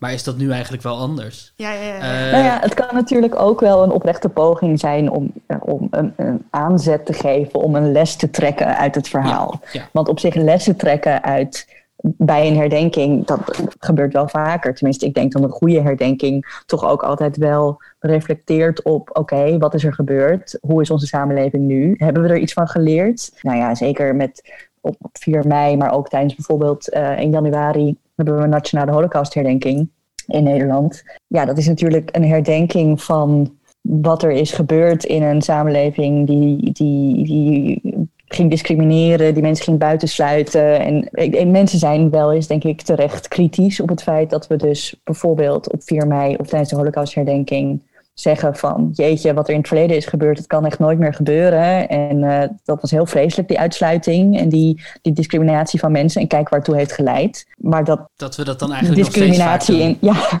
discriminatie en racisme bestaan natuurlijk hier nog steeds. Dit is wat je, wat je nu zegt, eigenlijk een heel helder pleidooi voor het actualiseren van eh, oude verhalen. Voor ervoor zorgen dat je, de, dat je niet ernaar kan kijken en kan denken, oh gelukkig is het nu anders. Net zoals dat herdenken eigenlijk een vorm is van het verleden naar het heden willen brengen. Je wil dat meenemen, je wil dat niet vergeten. Is het te hard onderscheid willen maken tussen onze eigen tijd en het verleden. Mhm. Is eigenlijk andersom ook een keuze. Waarbij je dus kunt zeggen van... Jeetje, ja, wat er in het verleden is gebeurd eh, was heel erg. Gelukkig doen we dat niet meer. Of wij zijn anders. Dat je daar, als je daar een hele harde grens in trekt... dat gebeurt heel veel ook in samenlevingen... waar eh, historisch onrecht heeft plaatsgevonden. Waar bijvoorbeeld eh, foute regimes aan de macht zijn geweest. Daar wordt soms dan heel snel, heel hard herdacht. Heel veel, eh, gewoon heel veel standbeelden. Zo van, nou jongens, ehm, streep eronder. Dat was vroeger. Wij zijn nu. En eh, wij zijn anders. Ja, het is zo grappig, want ik zag dus recent, dat heet Oorlog Stories. En dat is van de EO. En dat is een jeugd YouTube-kanaal of YouTube-serie. Waarin Mhm. dus de Tweede Wereld, het verhalen van de Tweede Wereldoorlog werden verteld door een vlogger uit 1940 tot 1945. Een jong meisje wat daar vlogt. Diezelfde nacht vielen de Duitsers ons land binnen. En niemand had het echt zien aankomen. En het was ook echt best wel eng. Het gebeurde heel dicht bij ons huis allemaal. En En ik begon met dat, ik, ik moest het kijken voor werk. En ik begon daarmee kijken en ik was super sceptisch. Omdat ik dacht, wat een kietcherige, lelijke vorm. Je kan toch gewoon drama situeren anno toen. En dan hoeven we het toch niet nu te gaan doen dat ze vlogt of weet ik veel wat. En aan het eind was ik er zo van overtuigd dat dit de manier is om het te hebben over wat er toen is gebeurd. Oh ja? Omdat het het, Ja? omdat het, het personage, hoofdpersonage zo vermenselijkte op een manier die ik... Nou, die ook wel kan zonder dat ze aan het vloggen is. Het vloggen is niet echt het belangrijke ding. Maar doordat zij de vrijheid kreeg om, een, om, om dat meisje te spelen zoals, ze- zoals ze nu zou zijn... Mhm. werd het Mhm. opeens niet alsof ik keek naar al die lagen van doen alsof het vroeger is. En ik zag gewoon opeens iemand die dit heeft doorgemaakt in die, in die periode. En ik vond dat echt heel geslaagd. En ik had absoluut niet verwacht dat ik dat zou, dat ik dat zou gaan zeggen aan het begin. Nee. Nee. Dus er is wel iets, echt iets gevaarlijks aan die... ehm, of gevaarlijks. Iets lastigs aan die... Oh ja, maar dat was toen gedachtegoed. Inderdaad, ah, oh, oude mensen. Oude mensen waren anders. Toen waren mensen gewelddadiger. Of toen waren mensen Ja. Een naarder. Of toen begrepen ze het nog niet. Eh, Toen was alles ja. nog zwart-wit. Ja. Ja. Ja, precies. Ik wil net zeggen, dat vertelde iemand me een keer jaren geleden. Ik deed een onderzoek naar eh, Auschwitz en hoe in, in het voormalig concentratiekamp, wat nu natuurlijk een herdenkingsplek en een museum is, hoe daar het verleden wordt verteld en de geschiedenis van de holocaust en van Auschwitz worden verteld. En toen zei iemand tegen me dat ze voor het eerst eh, dus op bezoek was gegaan in Auschwitz, het eh, herdenkingskamp. En dat ze ergens verbaasd was dat alles daar niet zwart-wit was. ja. Eh, en dat ze er ook eigenlijk op een hele mooie lentedag was. En dat ze ook verbaasd was dat daar ook de- gewoon de zon scheen. Maar, maar dat is wel waar, Daan, wat je zegt. Het is, als je kijkt naar, eh, naar de geschiedenis, is het soms... Ja, je vergeet eigenlijk dat dat ook gewoon allemaal mensen waren. Eh, En dat dat inderdaad niet zwart-wit schilderij of zwart-wit plaatjes of schilderijen waren of zo. Maar dat Ja. dat ook gewoon ja, allemaal mensen waren die hun, hun die misschien wel een heel ander leven hadden dan wij nu hoor, daar niet van. Maar, maar wel mensen waren. Is fictie daar wel een goede vorm voor, wat jou betreft? Ik denk van wel. Eh, ik denk dat een, een goed verteld verhaal sowieso altijd heel effectief kan zijn. Ik heb zelf me bezig gehouden met zowel archiefmateriaal en academische studies als natuurlijk fictie geconsumeerd over de Holocaust en de Tweede Wereldoorlog. Maar sommige, sommige vormen van fictie, sommige werken van fictie, die, die eh, kwamen wel heel erg bij me binnen. Ook, al, ook als iemand die eigenlijk al heel veel wist of zo van die geschiedenis. Ja. Maar het kan je dan toch weer op een andere manier raken. Ik, ik zat trouwens net hier aan het vertellen was over eh 4 mei en dat we dan stil zijn twee minuten. Toen dacht ik, wat zou er gebeuren als ze tijdens de Passion op een gegeven moment zeggen... nu zijn we twee minuten stilte voor... Nu is er zes minuten stilte om het kruis. Nou, dat was precies mijn gedachte. Ik dacht, als ze die zes minuten dat dat kruis nog erheen moet... als ze dat zouden laden met...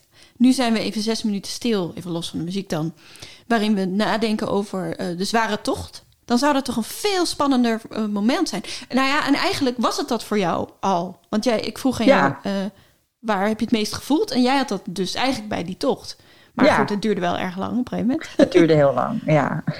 En ik begon me een beetje zorgen te maken om Gaston. Ik dacht, nou, dit kan toch niet, dit kan hij toch niet volhouden zo lang op het Ja. podium. Maar dat heb ik wel ook ieder jaar bij de, de twee minuten stilte op 4 mei ook. Dat ik me zorgen maak om Gaston. Ja. Ik denk ieder jaar heel even aan Gaston. Ja, niet alleen op 4 mei toch? Ik bedoel, het is toch wel een... eh, Een belangrijke figuur in je jeugd. Ja. Nee, maar het is, ik zit het natuurlijk zo de Passion heel als consument te bekijken. En een soort van word ik geëntertained. Maar in die twee minuten stilte bij die herdenking... Mhm. denk ik helemaal niet zo. Dan ga ik echt altijd toch wel naar binnen. Ehm, en denk vooral, en dat vind ik dan heel ontroerend... daar moet ik altijd een beetje van huilen. Ik moet eigenlijk elk jaar bij 4 mei even huilen. ik denk aan al, alle mensen in Nederland die dan even stil zijn. En ik vind dat gebaar, dat ritueel, vind ik zo Ja. sterk... dat dat, ik weet niet, dat raakt mij gewoon. En als... Ja. Ja, jij bent gewoon die mensen die zeggen... ik vind het gewoon zo mooi dat we allemaal met elkaar zijn. Die Ja, dit kruis en samenhorigheid, Ja, ja. ja, dat ben ik eigenlijk wel. Maar Ellie, die staat volgend jaar met het kruis op haar schouder. eh. nou ja, wie weet, na tien binge-afleveringen word ik wel helemaal gegrepen. Ik snap wel wat je bedoelt. Op een of andere manier is dat het stil is twee minuten. Ja. Veel, ehm, ik vind dat ook mooier dan stel we zouden zingen met z'n allen bijvoorbeeld. eh, als je het volkslied zingt met z'n allen of als je, als je iets doet, zeg maar. Ik, ik weet nog dat ik jaren geleden, eh, Ellie, jij en ik hebben in Groningen gestudeerd. Ik zat in die tijd heel veel in de trein tussen Amsterdam en Groningen om naar huis te gaan in het weekend. En eh, ik zat toen ook een keer, eigenlijk voor het eerst zat ik op, op 4 mei om 8 uur in de trein. Ja. En dat was iets wat ik eigenlijk, ik was het een beetje vergeten, want dat was dus iets wat ik normaal gesproken best een beetje zou proberen te voorkomen. Het voelt toch een beetje oneerbiedig of Ja. zo, om op dat moment maar gewoon onderweg te zijn naar iets. Ja. Maar nou ja, goed, ik had er blijkbaar dat jaar niet bij stilgestaan. En toen werd omgeroepen van, we gaan nu even twee minuten stilstaan met de trein, want het is acht uur. Dat vond ik echt super mooi. dus dat het niet alleen stilte is, maar dat het ook echt is van alles komt even tot stilstand. Ja. In inderdaad heel Nederland, of tenminste iedereen die daaraan meedoet, want het is natuurlijk nooit iedereen. Ehm, ja, dat, dat, dat vind ik inderdaad ook wel, eh, dat, dat is eigenlijk ook wel heel ontroerend. Ehm, ik weet niet of, dat, of een zes minuten durende gitaarsolo met pastoor op het podium hetzelfde effect heeft. Ik denk dat een goed punt is dat de, de Passion is natuurlijk nog wel heel eh, eh, pompend. In Ja. heel erg, het, het, Ja. het stuurt van alles op je af wat je moet voelen en hoe je het moet. En, en ook ehm, elke emotionele la- lijn van de personages. Het is heel duidelijk wat we daarbij moeten voelen. Het is heel duidelijk wat we van ze moeten vinden. Ehm, eh, het is heel duidelijk wat de boodschap van het geheel is. Er is niet echt ruimte voor ons om er, ons er actief intellectueel toe te gaan verhouden. Nee, maar ik denk dus voor die mensen die dat kruis dragen wel. Ja, Omdat die omdat echt die- niet al die instarts hoeven te zien. dat. Maar ook omdat ze iets aan het doen zijn. En ze, ze lijken ook allemaal wel stil dat, dat kruis te dragen. Terwijl die mensen eromheen zijn wel met elkaar in gesprek. Nou, je bent ook gewoon moe. Je hebt dat ding de hele stad door. eh. dat is heel zwaar. Ze waren ook wel aan het Ja. zingen, toch? Er werd ook wel gezegd dat ze met elkaar aan het zingen Oh ja, waren. dat, dat zei Mm. iemand inderdaad, ja. En ik vind met elkaar zingen ook eigenlijk een van de, van de meest verbind. Als ik onderdeel ben van een publiek en ik word gedwongen om mee te zingen met iets, vind ik Mhm. altijd moeilijk. Want Ja. ik, ik haat het om te moeten zingen.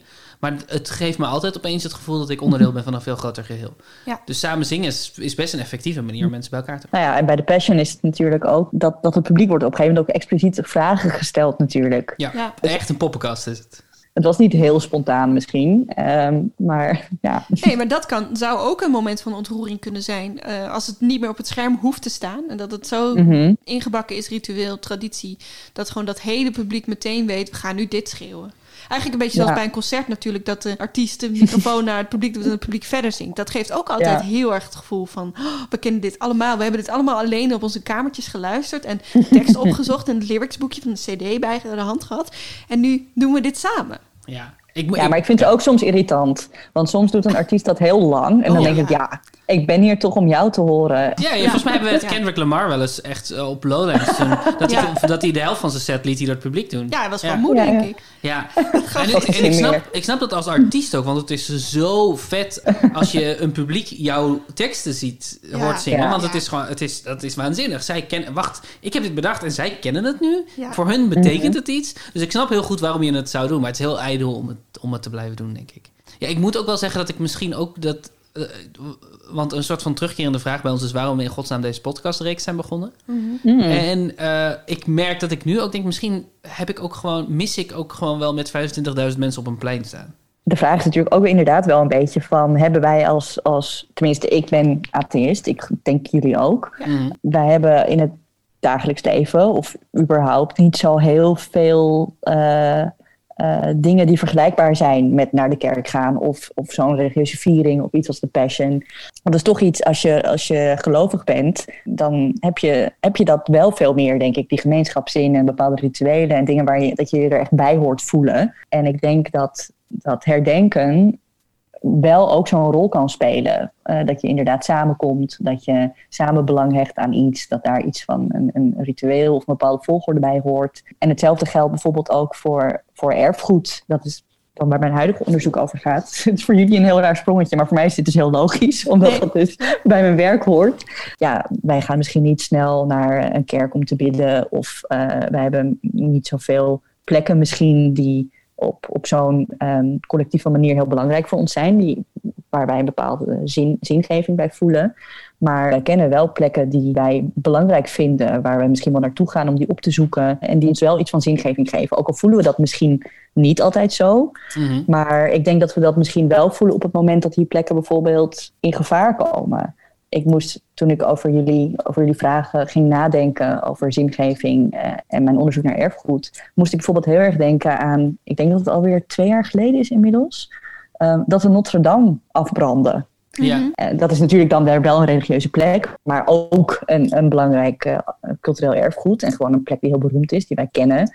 Misschien omdat we vroeger de klokluider van de Notre Dame Disneyfilm hebben gezien. Of misschien omdat we wel eens in Parijs zijn geweest en dat hebben bezocht. Dit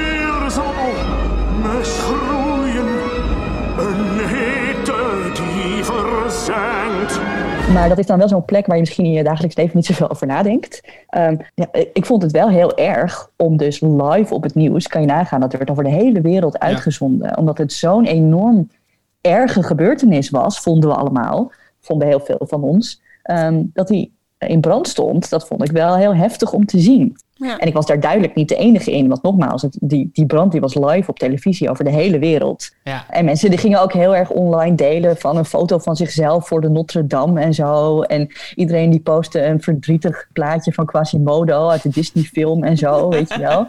Maar mensen die wilden dus wel heel publiekelijk laten zien van, nou, ik ben... Ik weet dat dit is gebeurd en ik vind dat heel erg. Ja, Ja, eh, sowieso trouwens de emotie van... oh, dit zijn allemaal dingen waar ik achter kom... dat ik ze belangrijk vind nu, Ja. nu ze er niet meer zijn. Die heb ik sowieso veel gehad het afgelopen jaar. Ja, Eh, ja. eh, Ben je dan ook ben je bewust in jouw verschillende onderzoeken... op zoek gegaan naar, naar dingen die te maken hebben met, met collectief zingeven? Ehm, ja, ik ben eerst op zoek. Ik, ik ga graag op zoek naar dingen waarvan we, of die we vanzelfsprekend vinden. Dus bijvoorbeeld dat erfgoed belangrijk is in Mhm. dit geval.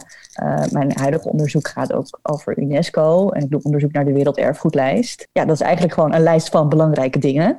Een lijst van plekken waar wij belang aan hechten.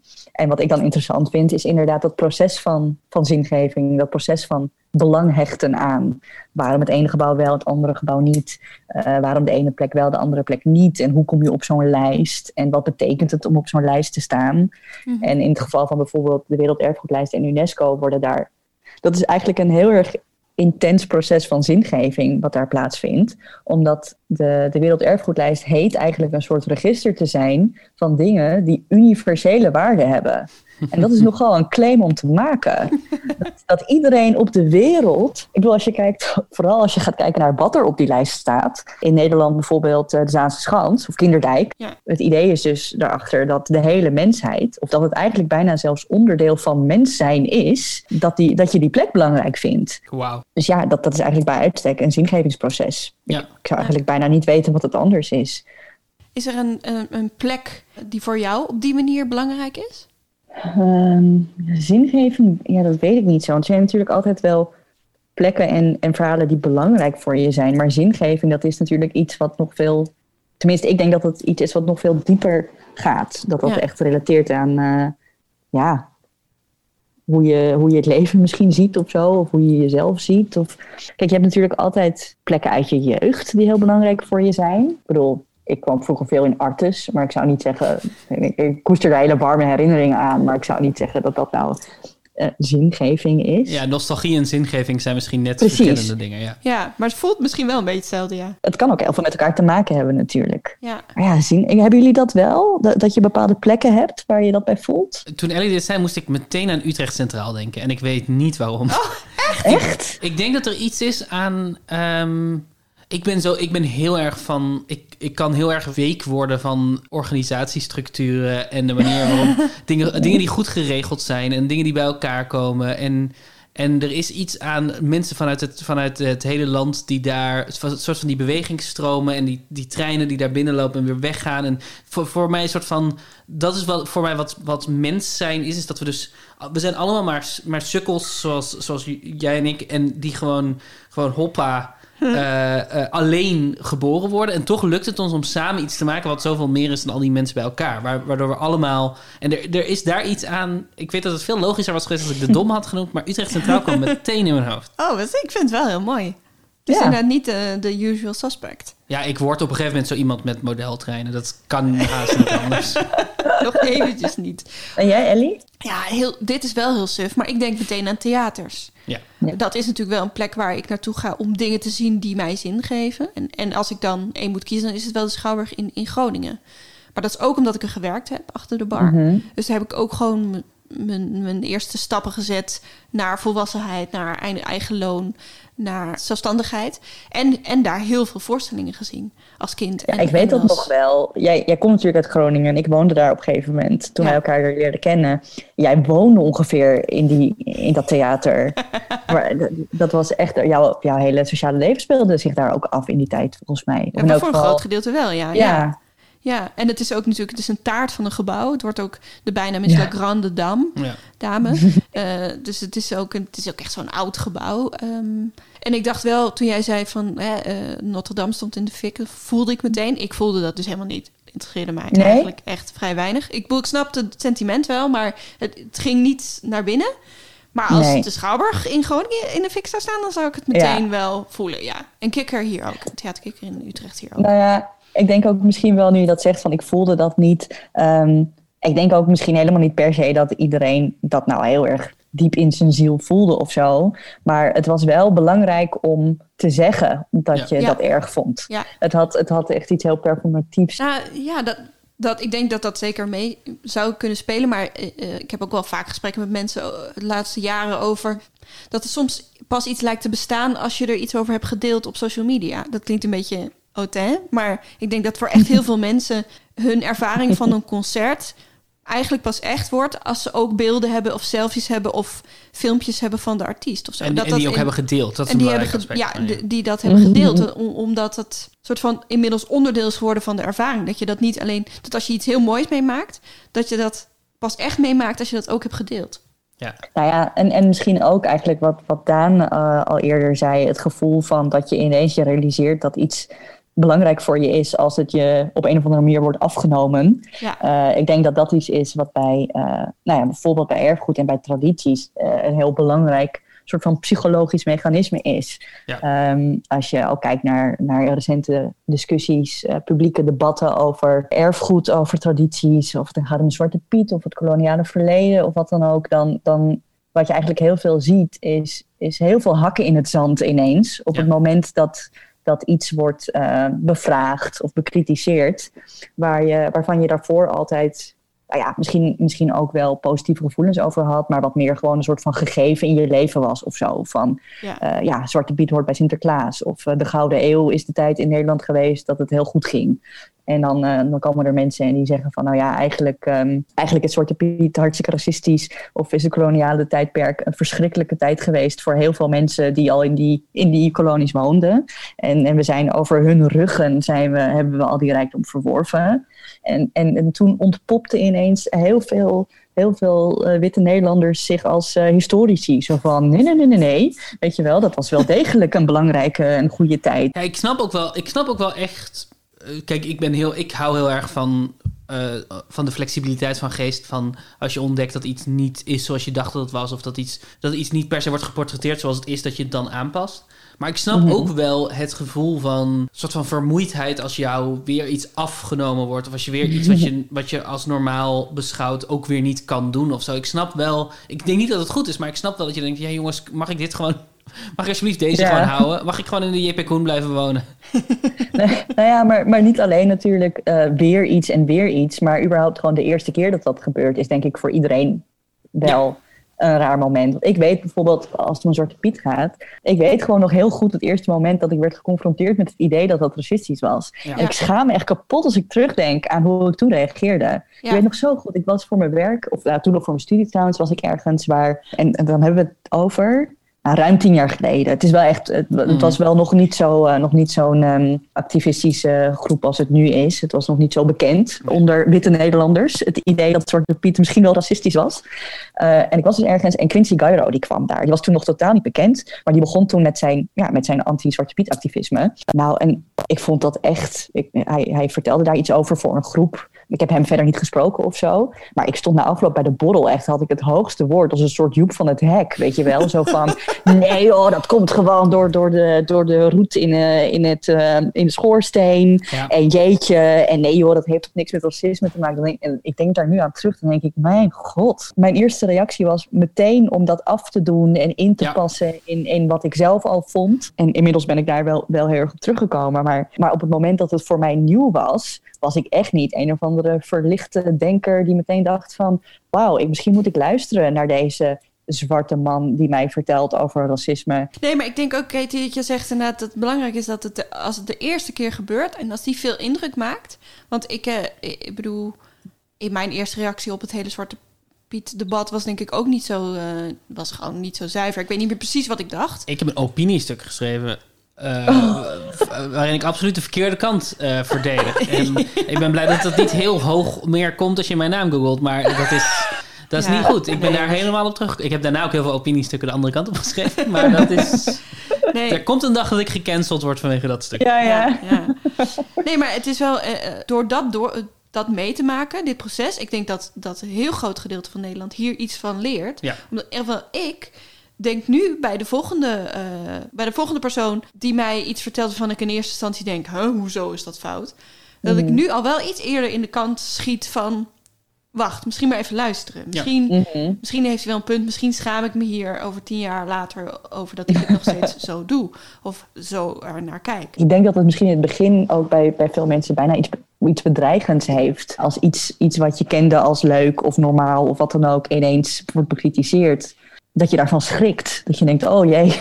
Ja. Eh, en, en dus misschien ook snel in de verdediging schiet als dat in je karakter ligt. Wat bij mij toen in elk geval heel erg zo was. Waar we het natuurlijk ook over hadden in tradities en in herdenken, is, is ook, het is ook belangrijk, of, eh, of het is onderdeel van wat je aan het doen bent, dat je het ieder jaar opnieuw ongeveer op dezelfde manier doet. Dus, Mhm. dus tradities opgeven of veranderen, hoewel dat eigenlijk natuurlijk heel makkelijk kan. Maar het is wel een offer wat je doet. Omdat je dus een deel van, van het performatieve, wat je doet van iedere keer iets opnieuw doen en iedere keer iets op dezelfde manier doen, dat, dat, dat lever je dus in voor iets anders. Dus oké, we, doen- we hebben ons altijd zwart gesminkt, maar we doen het dit jaar niet omdat andere mensen dat vervelend vinden. Of omdat we zelf tot de conclusie komen dat we dat niet meer willen doen. Eh, maar, d- maar Ja, dat is wel iets wat we ja, altijd Ik weet deden. niet of dat per se inleveren is. Kijk, ja, het is een onderdeel van traditie dat daar, dat, dat op een of andere manier dat, dat doorgeven. Daarbij is het belangrijk dat er dingen hetzelfde blijven. En sterker nog, bijvoorbeeld UNESCO heeft ook een immaterieel erfgoedlijst inmiddels. Daar worden tradities verzameld. En een hele belangrijke eis om op die lijst terecht te komen, is dat je die traditie die je aanmeldt, dat je echt heel actief eh, werkt aan het behoud en doorgeven van die traditie. Hm. Dus het is heel belangrijk dat je daar, jong, dat je daar nieuwe generaties in betrekt. Dat je daar ehm, eh, iets van een educatieve kant zeg maar, aan hebt. Dus dat je echt je best doet om dat uit te dragen en door te geven. Dat doorgeven is heel belangrijk. Tegelijkertijd zijn tradities natuurlijk ook wel heel veranderlijk. Ik bedoel, hoe lang hebben we Zwarte Piet nou goed beschouwd gehad in Nederland. In de vorm waarin we er nu dan ineens met heel veel, heel veel verdriet afscheid van zouden moeten nemen. Ik bedoel, ja, god, dat valt ook allemaal wel mee natuurlijk. Ja, maar maar nogmaals, ik denk dat, dat, dat het eh, eigenlijk heel normaal is dat tradities beetje bij beetje veranderen en, en gewoon meegaan met hun tijd. En ik denk dat dat belangrijk is voor het overleven van tradities. Maar als iemand anders tegen jou zegt van je moet dat veranderen, dat mag je niet meer doen zoals je dat wilde doen, dan vinden we het ineens een, een heel groot probleem. Ja, dus deels is dat, is deels is dat gewoon defensiviteit en jezelf aangevallen Ja. voelen. En, maar deels is het denk ik ook dus dat er is een soort van mythe aan de hand bij tradities dat je tegen elkaar zegt we doen dit al heel lang zo. Ja. Zelfs als het Mhm, niet zo is. ja. En het dus ook, ik, me- ik merk dat ik, dat ik het dit jaar heel lastig vond dat ik niet de dingen kon doen die ik normaal met oud en nieuw doe. Uh, Mhm. dus we waren met minder mensen bij elkaar. Een hele hoop, nou, een hele hoop van de, de tradities konden niet. En, en die tradities veranderen ieder jaar. En, Ja. het, en mis- Mhm. misschien de meeste tradities zijn maar twee, drie jaar oud. Maar, maar Mhm. het feit dat het nu opeens niet kon, gewoon omdat niks kon, omdat, omdat we leven in coronatijden, deed toch heel veel pijn. Terwijl, ik, terwijl die wendbaarheid er ook wel is. Dus er is iets aan dat gevoel van: oh, nu, moet ik iets, nu kan ik iets niet meer doen wat we altijd doen. Ja. Terwijl altijd, ik doe aanhalingstekens bij altijd. Nou, Katie, heel erg bedankt voor dit gesprek. En dankjewel dat je de Passion hebt willen kijken voor ons. Dank jullie wel dat ik de Passion heb gekeken. Ga je, ga je volgende week ook 2013 kijken? Of, eh? Nee, maar ik ga wel, eh, ik ga wel de volgende, de live Passion, ga ik wel kijken, Oh, denk leuk, ik. leuk, leuk. Ja. Dan moet je maar laten weten wat je ervan vindt. ja. Nou, wij gaan eh, op naar de volgende. Dat wordt eh, de editie uit 2013 in Den Haag. Dit was aflevering 2 van Passion Binge van Daan Windhorst en Ellie Schelen met Katie Dijken als gast. Alle edities van The Passion zijn terug te kijken op NPO Start, behalve die uit 2013. Niemand weet waarom. De muziek die je nu hoort is van Amir Fahidi en onze voice-over stem is niemand minder dan Hanneke Hendricks.